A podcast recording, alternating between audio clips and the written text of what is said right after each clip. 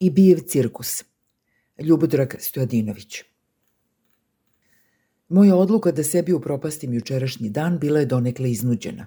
Ništa novo niti dobro nije moglo da se očekuje u takozvanoj Narodnoj skupštini. U stvari, nimalo me nije zanimala rasprava o Kosovu. Taj učestali sajam kvantaškog rodoljublja davno je ostao bez smisla. Rasprava je započela turobnim i potpuno praznim pa i suvišnim uvodom prvaka melodrame ili citiranjem o sumnjivoj ljubavi prema otačbini, između uvodničara koji je nastojao da objasni sebe u substanci koje nema i parlamentarne desnice koja se upinjala da to što ne postoji sačuva po svaku cenu. U takvoj fikciji vladar je imao nedostižnu prednost, ali i poziciju vuka od slame. Poslednja reč je uvek bila njegova, ali nije uspeo niti je imao snage da objasni šta je na stolu, šta se nudi, šta se mora, bez čega se ne može, šta nas ubija, a šta ostavlja u statusu države invalida.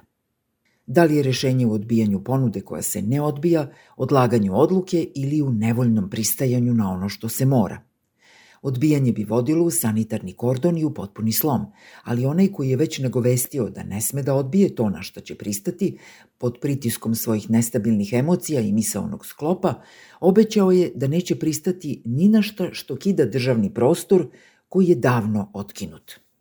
Na tom nivou rasprava je postala delimično zabavna, haotična, prazna, tegobna i prilično tužna.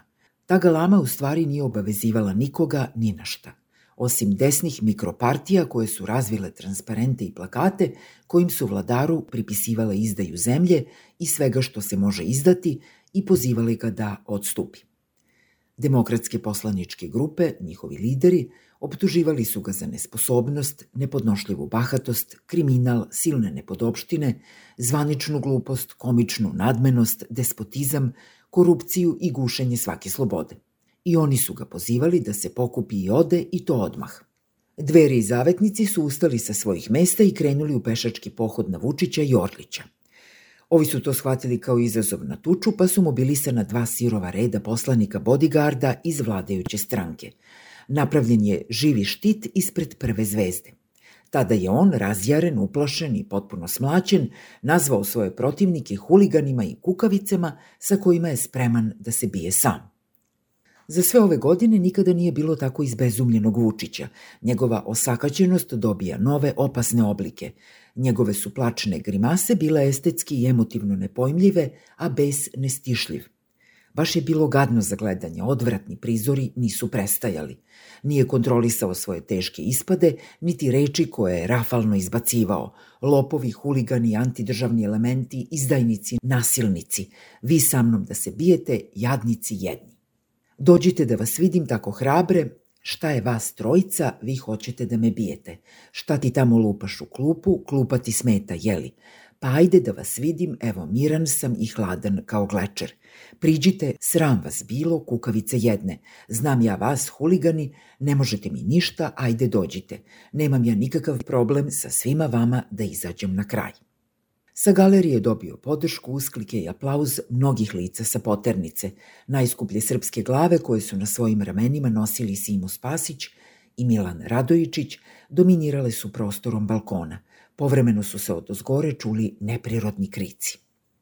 Izmoždani govornik je često podizao pogled i obraćao se delegatima probranih Srba sa Kosova, koji su gore postavljeni kao poželjni korektiv rasprave. Negde oko podneva sednica je prerasla u obračun većine i njenog vođe sa svima. Videlo se da je Kosovo poslednja stvar koja se tiče bilo koga u velikoj dvorani. To je bio tragični opit posustalog društva koje je davno ostalo bez demokratskih potreba.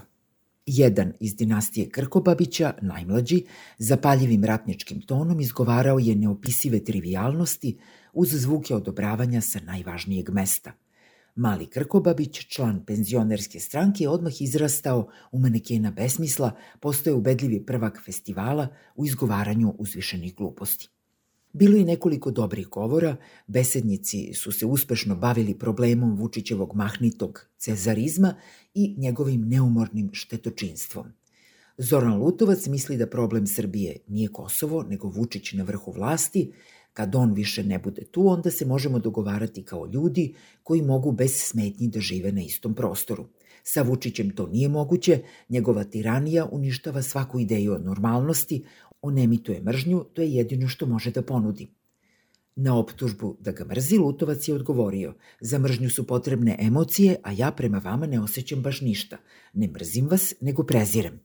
Miroslav Aleksić misli kako Vučić ne može da bude garant nikakvog sporazuma ni sa kim, jer bi to značilo njegov opstanak na vlasti, a onda bi sve bilo uzalud. Važnije od Kosova je da Vučić ode i odgovara za svoj rušilački bilans. Sa njim neće biti ničega pa ni Kosova, kao što ni danas sa njim nema ničega osim propasti. Odmah je Vučić našao podatak da je Aleksić u školi imao dvojku iz ruskog i da je pokrao neke pare.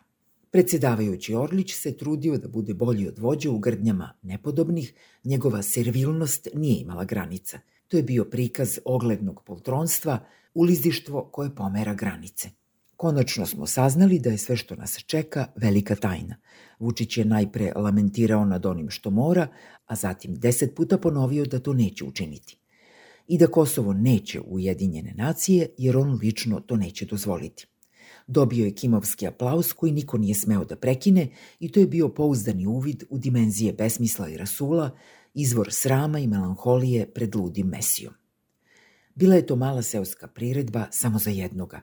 On se na njoj pokazao kao umorni, neprijatni i neotesani govornik u kome nema ničega, kao što ničega nema ni u nama.